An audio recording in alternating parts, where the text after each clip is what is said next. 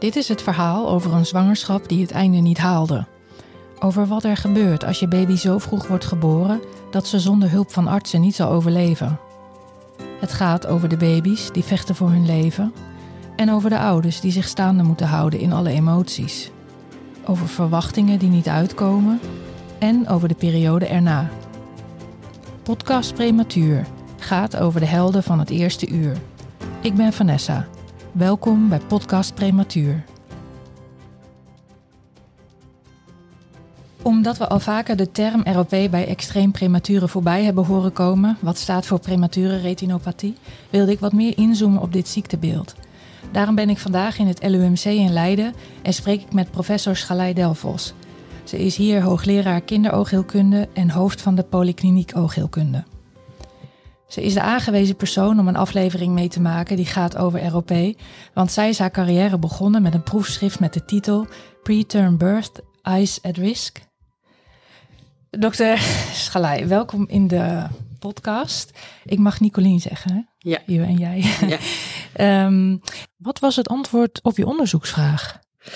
Nou, dat inderdaad die ogen uh, zeer at risk zijn, dus een hoger risico hebben. En uh, ja, we hebben verschillende, naar verschillende dingen heb ik toen gekeken in dat proefschrift natuurlijk naar hoe vaak komt uh, premature retinopathie voor, allemaal dat soort dingen.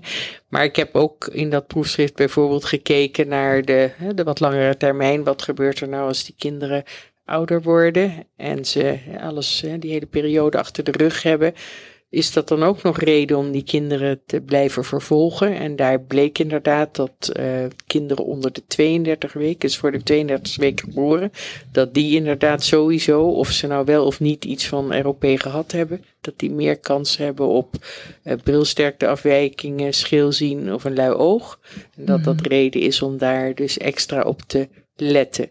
En de groep, zeg maar, boven de 32 weken, die, uh, die was, was gewoon, zeg maar, daar was het zoals het in de normale bevolking uh, voorkomt. Dus daar hoeft eigenlijk geen extra zorg voor te zijn.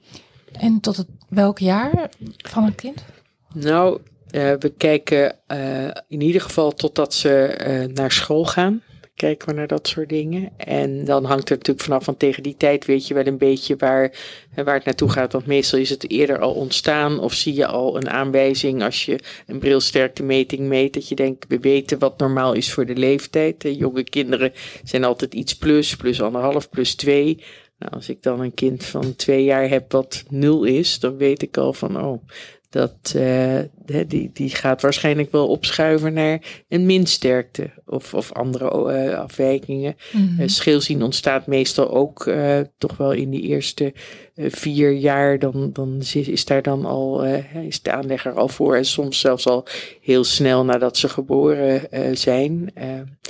en, ja, en al die dingen, die brilsterkteafwijkingen en dat scheelzien, die kunnen leiden tot luie ogen. En dat is wat je eigenlijk wil voorkomen. Want een lui oog is een oog wat niet goed mee ontwikkeld is en daardoor blijvend slechter ziet. Mm -hmm. Nou, dat behandelen we met zo'n pleister op het oog. Dat uh, kent iedereen over het mm -hmm. algemeen wel. En dan probeer je daarmee het slechtziende oog te stimuleren om beter te gaan zien. En dat doe je uiteindelijk om uh, ieder kind ja, liefst twee goede ogen te laten hebben. Uh, mm. hè, tegen de tijd dat ze uh, uitgegroeid zijn en rond het tiende jaar zo'n beetje. Dan kan je niets meer beïnvloeden aan, aan hoeveel procent iemand maximaal kan zien. Mm. Um, en ik wilde inzoomen op ROP. Uh, ja, er is vast heel veel over te vertellen, maar kun je in het kort uitleggen wat het precies inhoudt? Ja, nou, premature retinopathie is een aandoening van de bloedvaten in het oog. Um, normaal zijn de bloedvaten in je oog zijn pas volgroeid bij 40 weken zwangerschapsduur. En dat betekent dat als een kind veel vroeger geboren wordt, hè, bijvoorbeeld bij 24 weken, dat er dan nog 16, hè, dat er zeg maar 16 weken achterstand is. Dan zijn die bloedvaten nog helemaal niet uitgegroeid. En um, uh, wat het probleem daarbij is, is dat die bloedvaten zuurstof moeten brengen aan het netvlies. Nou, in eerste instantie is netvlies ook nog niet uitgegroeid, maar uh, zodra dan een kind geboren wordt, groeit dat netvlies langzaam door, maar die bloedvaten die groeien meestal niet. En dat komt omdat uh, de zuurstof, het zuurstof in de lucht of de zuurstof die kinderen krijgen, omdat ze beademd moeten worden, die, die uh, zuurstofsterkte is veel hoger dan in de baarmoeder. Dus dat betekent dat uh, kinderen dan in een, in een omgeving komen waar eigenlijk voor hun, voor die ogen, relatief veel zuurstof is. Maar ja, die zuurstof hebben ze nodig voor hun longen en voor andere dingen. Dus geen keus. Uh, en het probleem daarbij is dat die bloedvaten uh, in je netvlies die groeien omdat het oog zuurstof nodig heeft. En als dat oog heel veel zuurstof aangeboden krijgt, dan stoppen die bloedvaten met groeien. Nou, dat netvlies groeit door en dat heeft wel zuurstof nodig.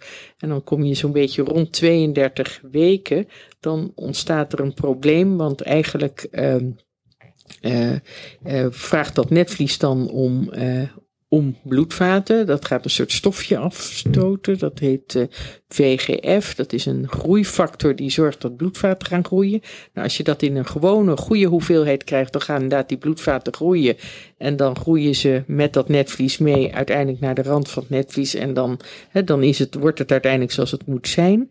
Maar als je uh, te, uh, te te veel of te weinig van die uh, groeifactoren hebt, dan ontstaat er een probleem. En met, hè, als je te weinig uh, van die factoren hebt, dan groeien die bloedvaten niet. En heb je te veel, dan gaan die bloedvaten een soort woekeren. En dat is de premature retinopathie. En, en die, die, die groeifactoren worden beïnvloed door de hoeveelheid zuurstof. Als je veel zuurstof hebt, wordt er weinig groeifactoren geproduceerd. Hè, want het is niet nodig, want die zuurstof wordt wel aangediend. Terwijl als je eigenlijk een een tekort aan zuurstof krijgt, omdat dat netvlies veel groter is en veel meer nodig heeft, heb je te weinig aanbod, dan kan het zijn dat er een overproductie ontstaat. En dan ontstaat er premature retinopathie. Nou, en daar hebben we verschillende stadia in. En dat loopt van 1 tot en met 5. En uh, als je dan uh, uh, als je alleen maar een stadium, je kan dus een stadium 1 hebben en dan uh, kan dat ook op een gegeven moment kunnen die vaten alsnog gaan groeien en dan groei je er doorheen. Maar soms zie je dat er iedere keer een stapje meer gezet wordt en dan heb je een probleem. Mm -hmm. Dus 1 is nog oké? Okay. Ja, 2 ook in principe. Mm -hmm. Maar waar we dan ook naar gaan kijken is de bloedvaten. Als er veel zuurstoftekort is in het oog, zie je ook dat die bloedvaten een soort op gaan zetten. Die worden dikker, allemaal in een poging om maar zuurstof in dat oog te krijgen. Dus als we zien dat die bloedvaten steeds dikker worden, weten we ook dat er, dat er dus een, een tekort aan zuurstof in dat oog is. Mm -hmm. Nou ja, mijn zoontje had ook ROP. Mm -hmm. uh, maar het enige wat ik me nog herinner is dat ze zeiden inderdaad dat woekeren van die vaten. En dat dat kan gaan trekken aan het netvlies, waardoor dat eigenlijk ervoor kan zorgen dat het netvlies loslaat. En dan kan je blind worden. Ja, dat klopt. Ja, ja, dat klopt. En dat wil je dus voorkomen. En dat is ook de reden waarom we hè, uh, ja, een bepaalde groep kinderen, daar zijn afspraken over gemaakt, welke kinderen daarvoor in aanmerking komen, dat we die screenen om te zorgen dat we op tijd zien dat het niet de goede kant op gaat.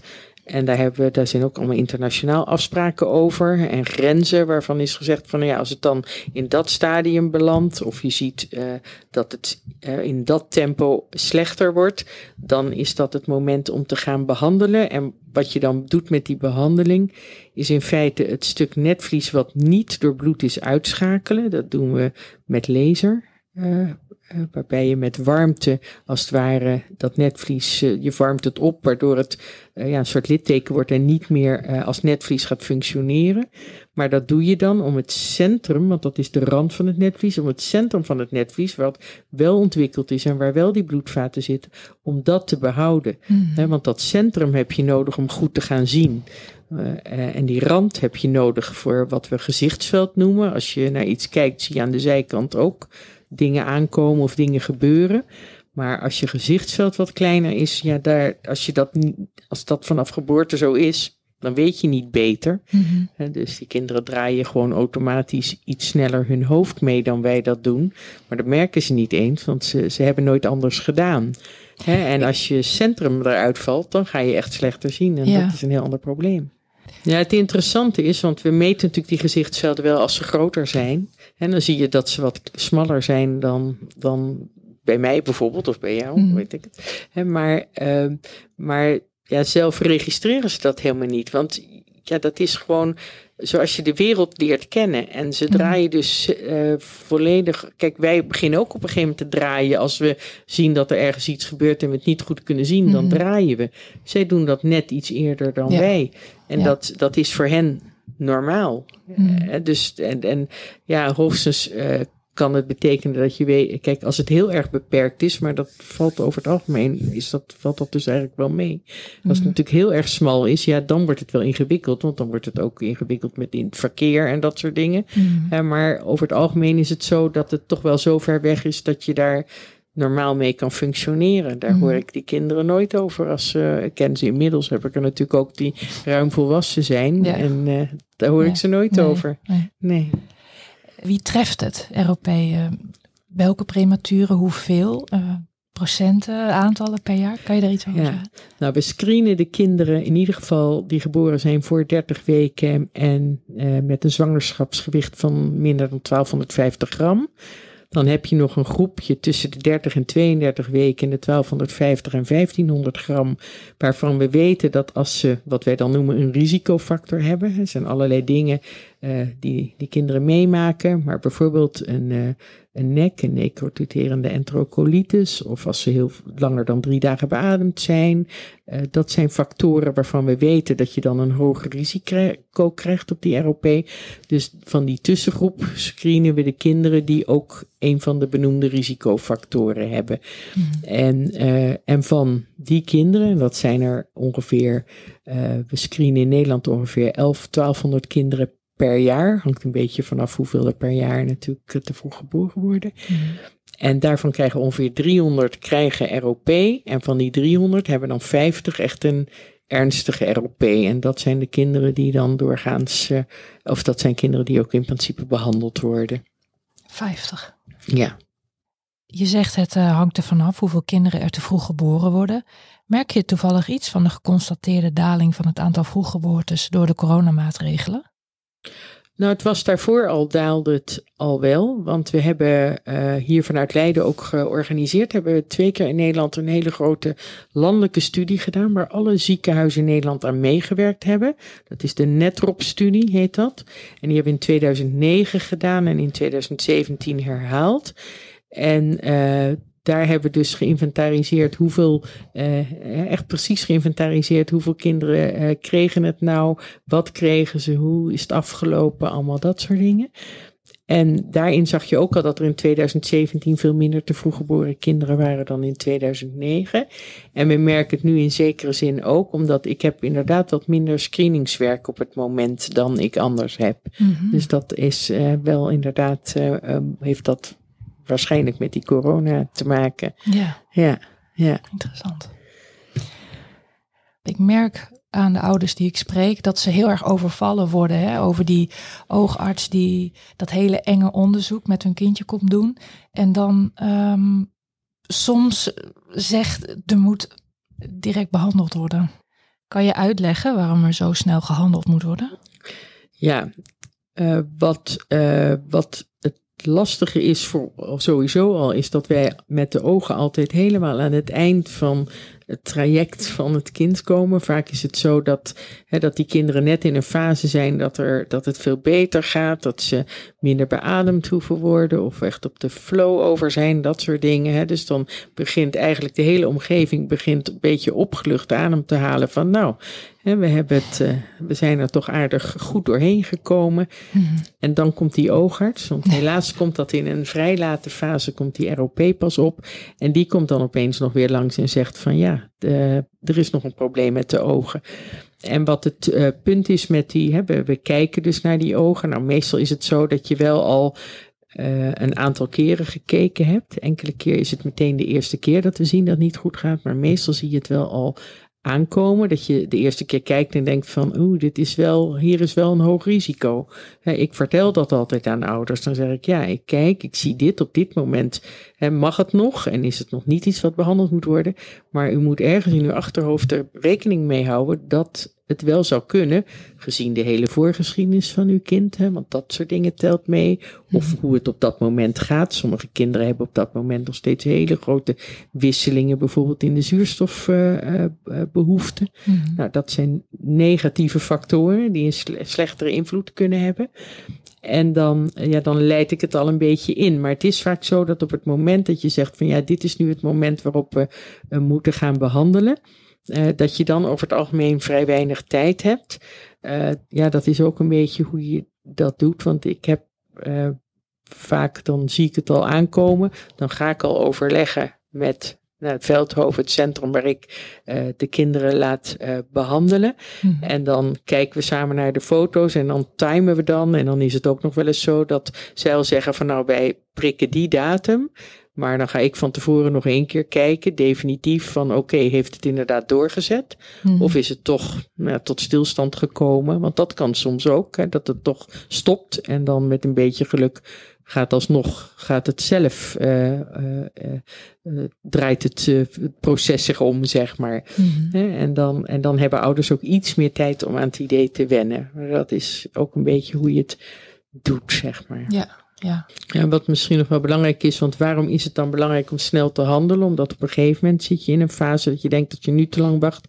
Hè, dan, dan heb je kans dat het netvlies los gaat trekken. En dat wil je echt absoluut voorkomen als het Mhm. enigszins kan. Mhm. Ik vond het echt heel heftig met de, de oogarts. Ja, dat, dat plotselinge en dat, dat, dat, dat eh, operatieve ingrijpen, dat, dat, was, eh, was heel heftig. En eigenlijk, eh, nou, je wordt natuurlijk gevraagd als ouder van joh, toestemming. En, maar eigenlijk is het natuurlijk geen vraag, eh, strikt genomen. Want ja, je, je kiest nooit voor om je kindje blind te laten worden, wat eigenlijk het gevolg zal zijn.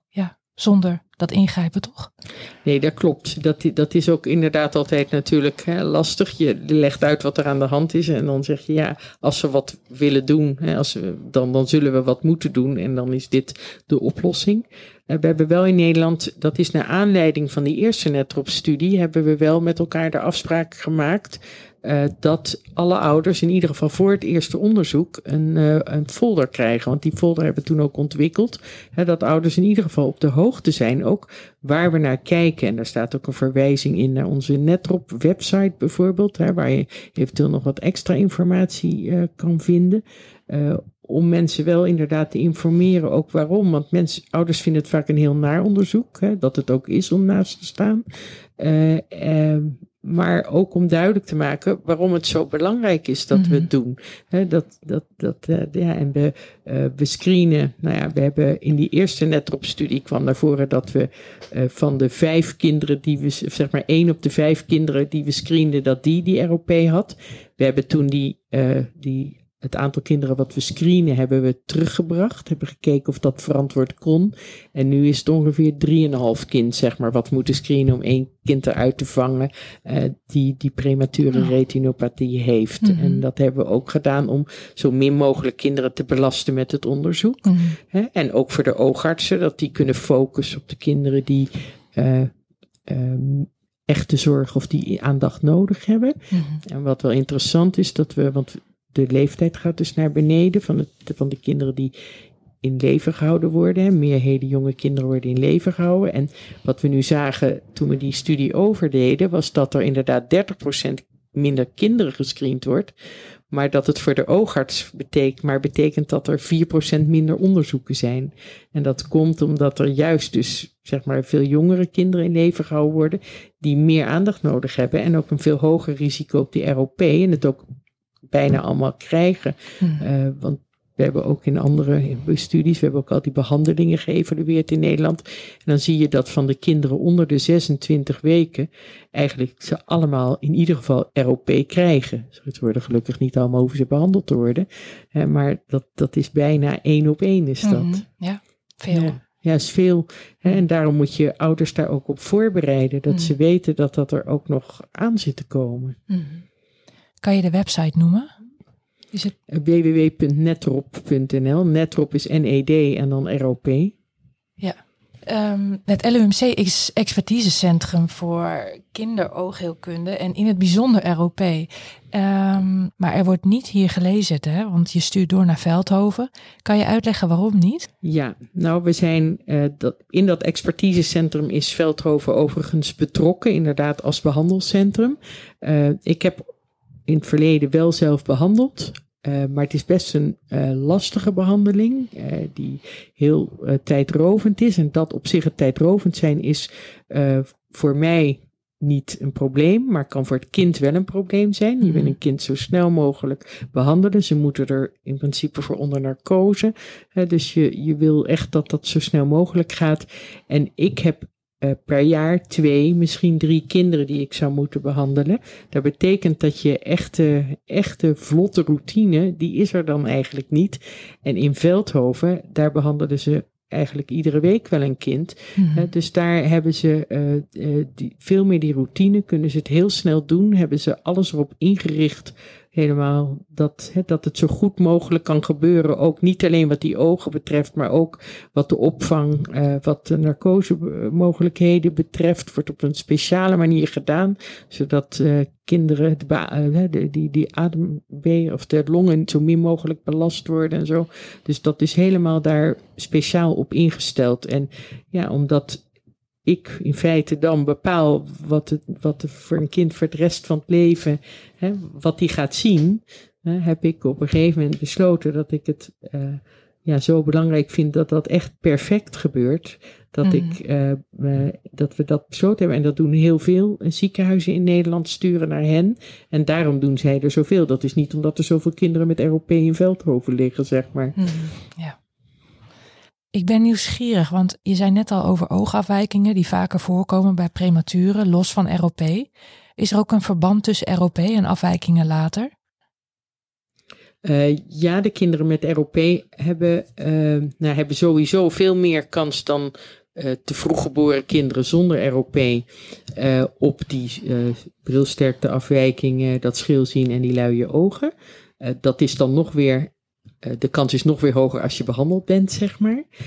Uh, en het idee is, want er is dus inderdaad een soort opklimmende trap van je bent te vroeg geboren, uh, je hebt ROP gehad en dan nog een trapje heftiger, je bent behandeld. er gebeurt iets met, ja, met, met de vorm van dat oog of met, met het, de, omdat dat netvlies toch niet helemaal op een normale manier uitgroeit.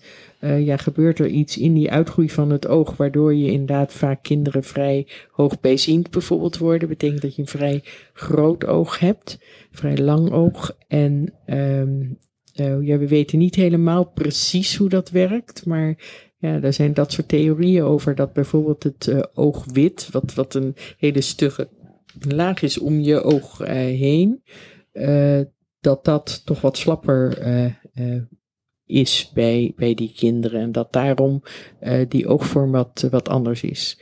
en, je hebt, en dan heb je weer, doordat je een vrij groot oog hebt, want je netvlies is een, ja, dat is gewoon een vlies wat een bepaald aantal of een bepaalde oppervlakte heeft. Dus als je een groot oog hebt, wordt het meer uitgetrokken, is het dunner. En daarom hebben soms ook prematuur geborenen hebben later ook nog weer kans op uh, soms problemen met het netvlies. Meer kans op een netvliesloslating bijvoorbeeld. Maar als je gelezerd bent, dan is daar weer het voordeel van dat dat eigenlijk niet meer gebeurt. Want zo'n netvliesloslating ontstaat aan de buitenkant van je netvlies. En dat is vastgelezerd, zeg maar, met die behandeling. Mhm. ja. en er zijn wel andere dingen. Wat we, dat is ook wel van de laatste jaren dat we dat zien. Omdat uh, uh, kinderen natuurlijk steeds jonger worden, die we die behandelen, of de kinderen die jonger werden en die nu bijvoorbeeld 40, 50 zijn, daarvan zien we toch dat sommige problemen krijgen omdat ze dan toch weer een tekort aan zuurstof hebben aan de rand van het oog. En dat kan je ook dan weer lezen, maar dat zijn dus wel dingen waar we steeds meer over te weten komen uh, en waar we ook op, op letten, zeg maar. Is dat makkelijk uit te leggen waarom dat is?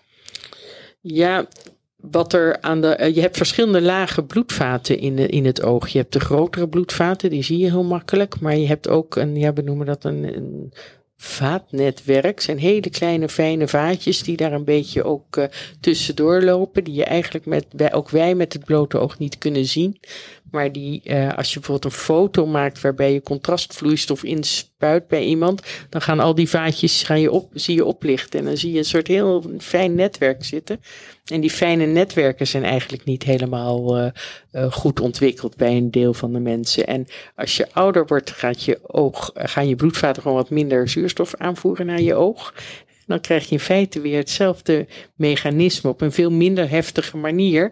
Maar het kan wel uiteindelijk uh, op de lange termijn kan dat uh, uh, bij sommige mensen, het is maar een heel klein groepje, maar daar, daar zie je toch problemen ontstaan door zuurstoftekort in het oog. Inderdaad krijgen ze klachten ze slechter gaan zien of sommige mensen krijgen last met hun oogdruk. En dan blijkt eigenlijk dat dat het onderliggende mechanisme is. Hmm. Dus dat medisch dossier van een prematuur sjouw je altijd met je mee. Ja, ja. ja ik zeg dat ook wel eens tegen ouders. We zijn nog heel lang tot elkaar veroordeeld. Ja. Maar dat, dat is ook een beetje zo. Mm -hmm. ja, En um, wat voor onderzoeken lopen er momenteel? Ja, nou ja, we hebben hè, de Netrop-studie hebben we het net al even over gehad. Hè, dat we dat soort studies doen. En dat is wel heel belangrijk. is wel interessant ook dat het belangrijk is. Want toen wij met de eerste netrop-studie begonnen, toen zei iedereen van nou, wij doen het gewoon hartstikke goed. En hoezo moeten wij mhm. een netrop-studie gaan doen? En uh, dan blijkt toch, als je dat doet, dat daar toch dingen uit naar voren komen die je gewoon met z'n allen beter kan doen. En we hebben ook echt na die eerste studie hebben we toen een aantal afspraken gemaakt. Onder andere dat, hè, dat ouders geïnformeerd moeten zijn. Want wat er bijvoorbeeld gebeurde is als kinderen naar huis gingen en ze waren eigenlijk nog uh, het moest nog gescreend worden. Dat ouders dachten, nou, ik ben nu klaar met dat ziekenhuis. Ik ga niet meer. Mm-hmm. En dat daar dan soms toch nog een kind uit naar voren kwam. Wat dan uiteindelijk te laat komt. Omdat hij niet meer gescreend is. Mm-hmm. En gewoon omdat er te weinig uh, kennis bij de ouders was. Maar wat ook uh, bijvoorbeeld naar voren kwam. Was dat als wij overplaatsen. Of als een neonatoloog overplaatst. Dan zette die in de brief controle over twee weken. Maar als ik zeg maar 13 dagen geleden dat kind gezien heb en er gaat een brief uit controle over twee weken, zit er opeens vier weken tussen een screening. En daar hebben we ook gezien dat dat soms betekent dat een kind toch doorschoof naar een ja, toch eigenlijk ernstiger stadium. En je hem eigenlijk misschien net iets eerder had, uh, had willen, te pak had willen hebben. En dan komt het bij de meesten nog wel weer goed. Maar dat zijn wel dingen waar je op de, met je neus op de feiten gedrukt wordt. Dus tegenwoordig staat er in zo'n overplaatsingsbrief moet gescreend worden in weeknummer zoveel. Of op rond die datum. Hè, om te voorkomen dat dit soort dingen gebeuren. En dat soort dingen leer je met elkaar. En ook hoe vaak het voorkomt. En het leuke van die tweede netrop-studie is dat we inderdaad ook hebben gezien dat dat dus inderdaad heel veel verbetering gegeven heeft. Ja. En ook meer, meer of bijna geen kinderen meer waar uiteindelijk uh, die netvliesloslating ontstaat. En dat je dus echt, ondanks het feit dat je met z'n allen denkt dat je het heel goed doet, dat dat nog weer beter kan. En dat je dus altijd alert moet zijn. Dus dat blijven we doen. En een andere studie waar we nu mee begonnen zijn, is hier met, uh, met de neonatologie. Uh, ook met de neonatologie in Utrecht trouwens, want we werken nog steeds met Utrecht en Leiden heel nauw samen.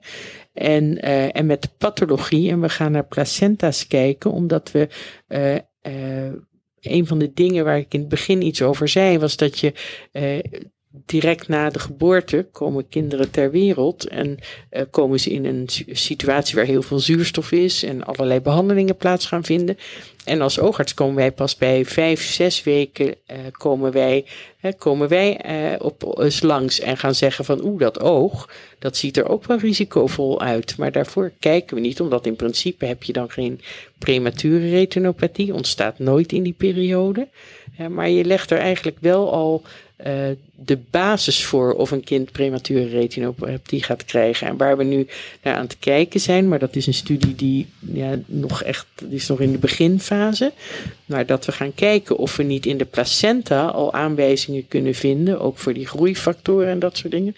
Waardoor wij kunnen zeggen, ja maar jongens, let op, dit is een kind waar we heel erg precies moeten zijn, want dit is een kind met heel veel risicofactoren, of, of een heel hoog risico. Hè, dus dat je dan echt goed nog beter gaat kijken. Want je leert gewoon dat als je uh, heel erg alert bent met z'n allen, dat je dan toch, uh, ja, weet ik het, net iets harder loopt om die zuurstof ietsje aan te passen. Net iets, weet je, het gaat soms om hele kleine details. En dat, uh, Ja, en, en ook het ontwikkelen van apparaten. Want wat bijvoorbeeld een grote verbetering is geweest, is dat er nu uh, bijvoorbeeld apparatuur is die de zuurstof automatisch regelt. Hè. Dan kan je mm -hmm. uh, afstellen van als het beneden een bepaalde grens wordt, de, de zuurstofverzadiging, dan moet het apparaat meer zuurstof gaan geven. Mm -hmm. Vroeger was het zo dat dan lagen er zes of acht kinderen op een uh, op een NICU. En dan waren er een paar verpleegkundigen. En dan ging er ergens een alarm af. En dan werd er met de hand wat bijgesteld. En dan gingen ze weer door, want ze waren met een ander kind bezig. En je ziet, we zien ook dat dat echt verbetering heeft gegeven en minder ROP oplevert, mm. omdat het nu veel preciezer uh, allemaal te, uh, te bepalen is. En door je bewuster te zijn van dat soort dingen en misschien ook al in een eerdere fase, en niet pas na die vijf of zes weken, daar heel precies over te gaan zijn, dat je kan zeggen, nou dit is een kind, daar moeten we wel heel erg op letten. Dus jongens, misschien moeten we daar ook al bepaalde grenzen strakker instellen en, hè, en minder ruimte geven en dat soort dingen. Dus, dus mm -hmm. dat is daar het, het doel van om eigenlijk dan te voorkomen dat ze in de, als ze, hè, als ze dan een aantal weken ouder zijn, dat, dat ze die premature retinopathie niet gaan krijgen. Hmm. Want je noemde net al um, over het zuurstof geven, hè, omdat die ademondersteuning zo nodig is. Um, ik sprak laatst een moeder en uh, zij noemde op een gegeven moment het dilemma tussen dat uh, haar kindje moest leren drinken uit een flesje uh, en die ogen uh, die zo kwetsbaar waren. Want hè, als, een, als een kindje net leert drinken, dan, nou ja, in dit geval dipte, dipte haar hartslag. En dan um, ja, ging dat zuurstofgehalte naar beneden. En dan werd dan die zuurstof weer bijgegeven, omdat dat zo nodig was. En toen zei ze van ja, moeten we haar nou leren drinken uit een flesje? Of willen we nog dat klein beetje zicht bewaren wat ze nog heeft? Ja. Hè, want je weet natuurlijk niet wat het zicht is in die fase. Maar en, en dat was heel erg iets ook mentaal voor een moeder dan natuurlijk voor ouders heel zwaar is. Maar hoe zie je zelf dit dilemma? Nou ja, dat, dat, dat is inderdaad iets hè, wat echt wel lastig is. Want, je, hè, want ik snap heel goed ook de, heel goed de ouders daarin. Hè, welk, dat is ook welke keuzes maken, maak je, wat vind je op dat moment belangrijk. Ja, ik probeer altijd wel heel goed te kijken.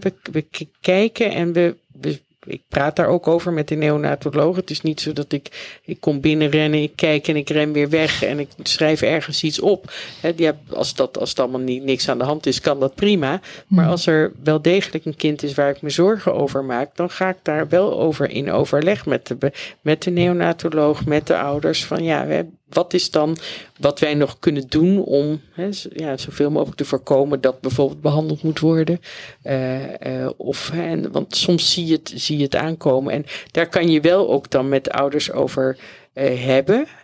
Of me, hè, en dat is natuurlijk altijd lastig, want wij zijn niet verder op die afdeling, maar daar kan wel een verpleegkundige of een neonatoloog ik word wel eens gebeld van kunnen we even met je brainstormen over iets of zo. Mm-hmm. En dan komen dit soort dingen soms wel uh, uh, ook ter sprake. En ja, en soms zeg ik dan, ja, dit is een kind, dit zit zo op de, echt op de absolute grens van, uh, het kan zomaar, het kan zomaar helemaal de verkeerde kant op gaan.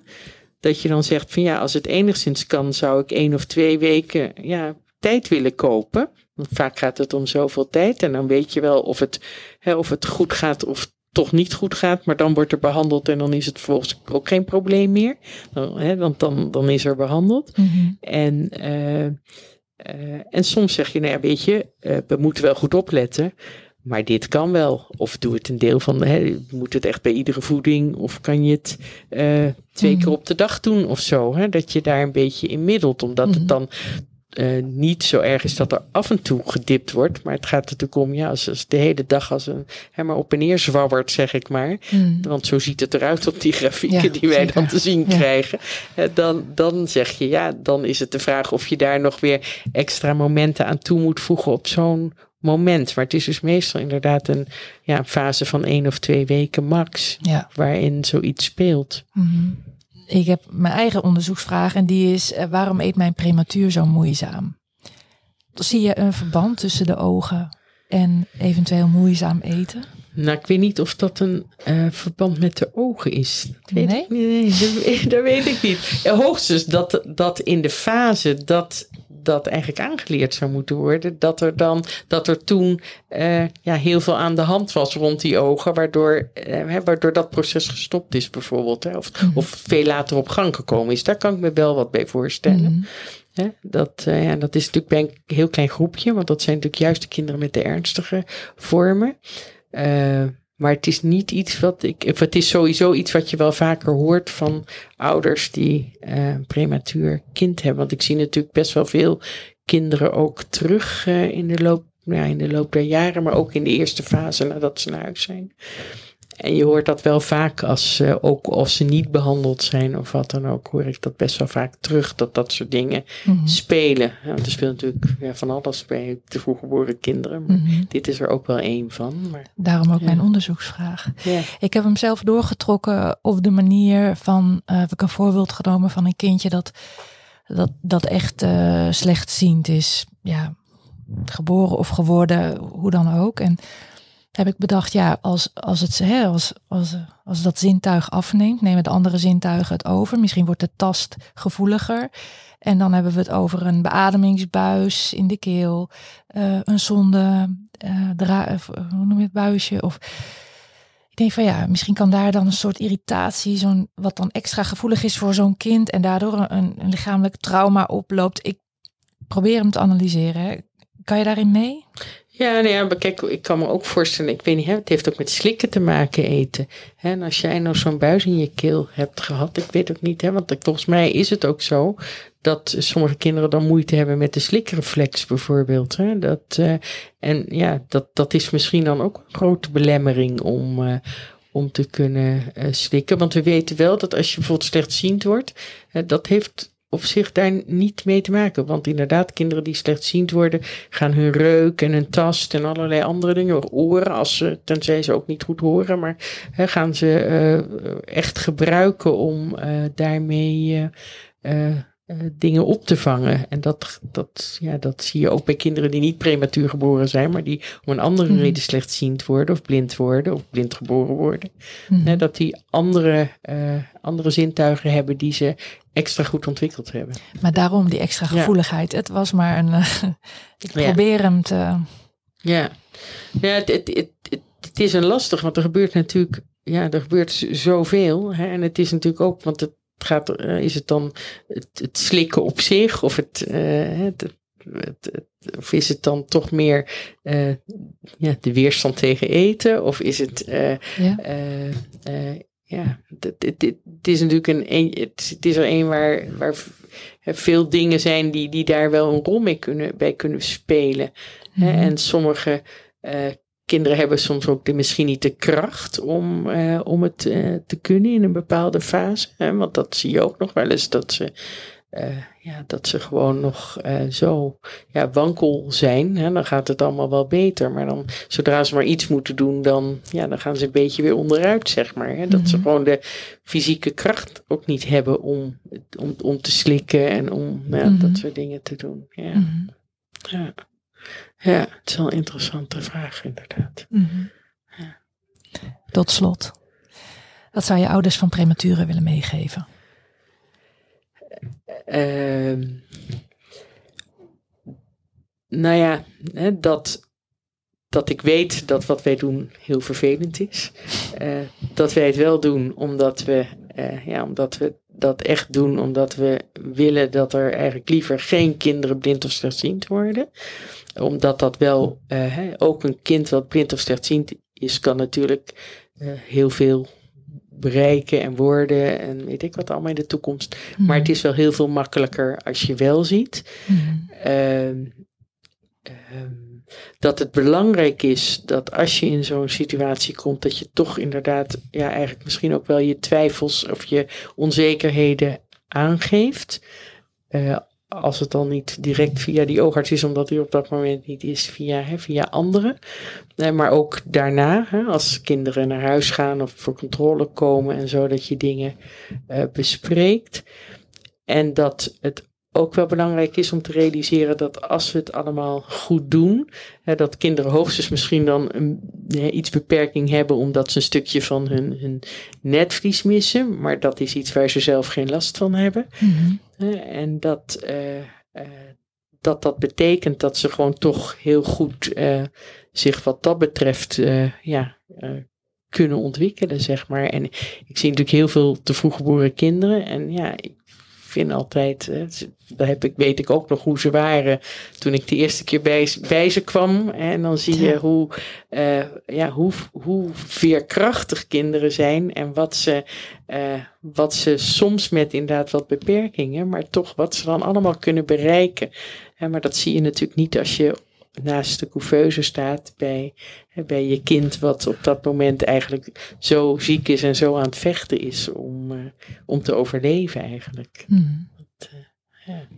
Dus heb een beetje vertrouwen. Heb vertrouwen, ja, precies. Nou ja, precies. Nee, het, is, het is gewoon heel moeilijk. Dat, uh, hè, dat realiseren we ons allemaal ook wel. Hè. En het lastige is dat je op dat moment soms een beetje net, ja, je bent eigenlijk allebei voor, voor hetzelfde doel bezig, maar je hebt een hele andere, ja, een ander perspectief of een andere insteek. Hè? En dat matcht niet altijd makkelijk. En dat is ook begrijpelijk. Hè? Dus, uh, uh, ja, dus ik, ik weet ook, ik word, het overkomt mij wel dat ik wel, uh, dat ouders zo, ja, zeg maar, teleurgesteld zijn dat zoiets gebeurt, dat ze in feite op mij dan uiteindelijk afreageren wat er, hè, wat er uh, ja, alle, alle stress en emotie die er geweest is. En dat komt dan tot uiting, want dan kom ik nog weer met zo'n slechte boodschap.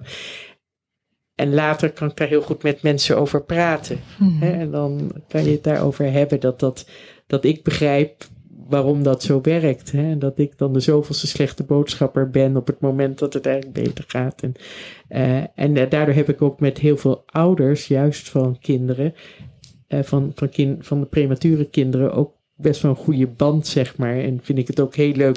Vorig jaar kreeg ik inderdaad opeens, uh, dan krijg je opeens zo'n foto van een jongetje die zijn vlag aan het hijsen is. Want die heeft zijn eindexamen ja. gehaald. En dat soort dingen. Dat, ja. vind, dat is ook voor mij, dat vind ik echt geweldig. Uh, dat je mm. dat überhaupt, dat ze gaan denken om de oogarts, de oogarts. te sturen. ja, precies. Ja.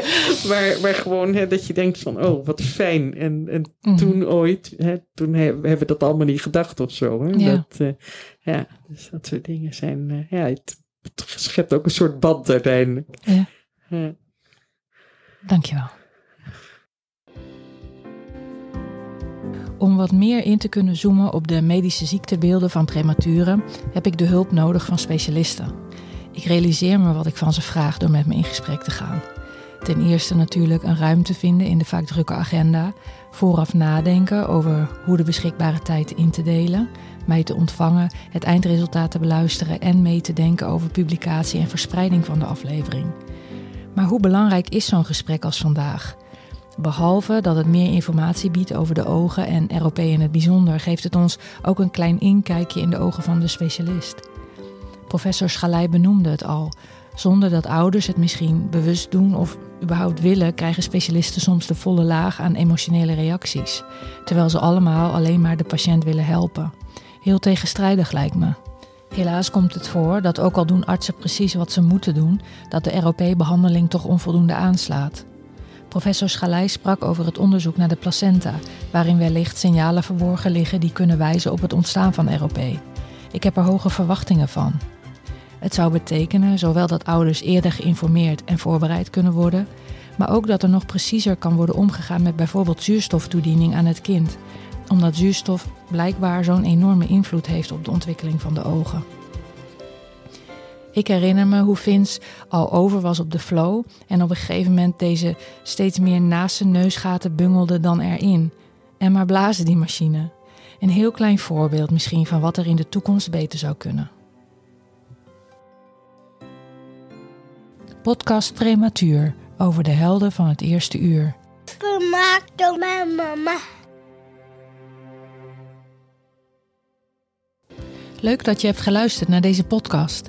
Ik weet niet of je zelf moeder of vader bent van een prematuur of op een andere manier betrokken bent, maar heb je iets aan deze aflevering gehad, iets geleerd, iets herkend en denk je dat anderen het ook waardevol zullen vinden? Dan zou ik het heel erg waarderen als je het zou willen delen op social media, op Facebook, Instagram of LinkedIn, door een screenshot te maken van je telefoon en ons daarin te taggen. Overigens hebben we de website weer een stukje uitgebreid en kan je onder andere ook mijn blog lezen, die ik elke week bijhoud. Alvast bedankt en ik hoop dat je volgende week weer luistert naar een nieuwe aflevering van Podcast Prematuur.